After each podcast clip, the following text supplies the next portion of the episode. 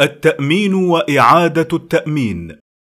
ناقش المجلس البحث والأوراق المقدمة إليه في موضوع التأمين وما يجري عليه العمل في أوروبا واطلع على ما صدر عن المجامع الفقهية والمؤتمرات والندوات العلمية بهذا الشأن وانتهى إلى ما يلي. اولا مع مراعاة ما ورد في قرارات بعض المجامع الفقهية من حرمة التأمين التجاري الذي يقوم على أساس الأقساط الثابتة دون أن يكون للمستأمن الحق في أرباح الشركة أو التحمل لخسائرها ومشروعية التأمين التعاوني الذي يقوم على أساس التعاون المنظم بين المستأمنين واختصاصهم بالفائض. إن وجد مع اقتصار دور الشركة على إدارة محفظة التأمين واستثمار موجوداتها. فإن هناك حالات وبيئات تقتضي إيجاد حلول لمعالجة الأوضاع الخاصة وتلبية متطلباتها ولا سيما حالة المسلمين في أوروبا حيث يسود التأمين التجاري. وتشتد الحاجة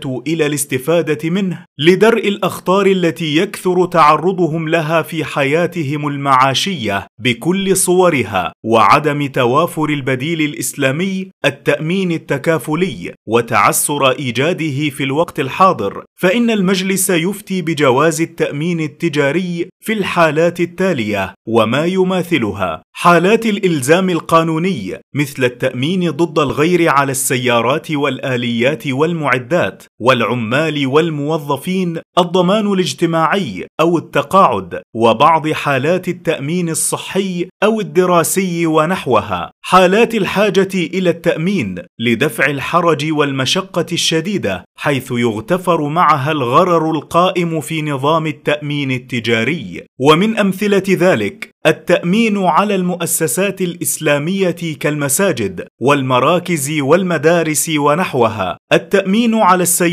والآليات والمعدات والمنازل والمؤسسات المهنية والتجارية درءا للمخاطر غير المقدور على تغطيتها كالحريق والسرقة وتعطل المرافق المختلفة. التأمين الصحي تفاديا للتكاليف الباهظة التي قد يتعرض لها المستأمن وأفراد عائلته وذلك إما في غياب التغطية الصحية المجانية أو بطئها أو تدني مستواها الفني. ثانيا إرجاء موضوع التأمين على الحياة بجميع صوره لدورة قادمة لاستكمال دراسته. ثالثا يوصي المجلس أصحاب المال والفكر بالسعي الحثيث لإقامة المؤسسات المالية الإسلامية كالبنوك الإسلامية وشركات التأمين التكافلي الإسلامي ما استطاعوا إلى ذلك سبيلا.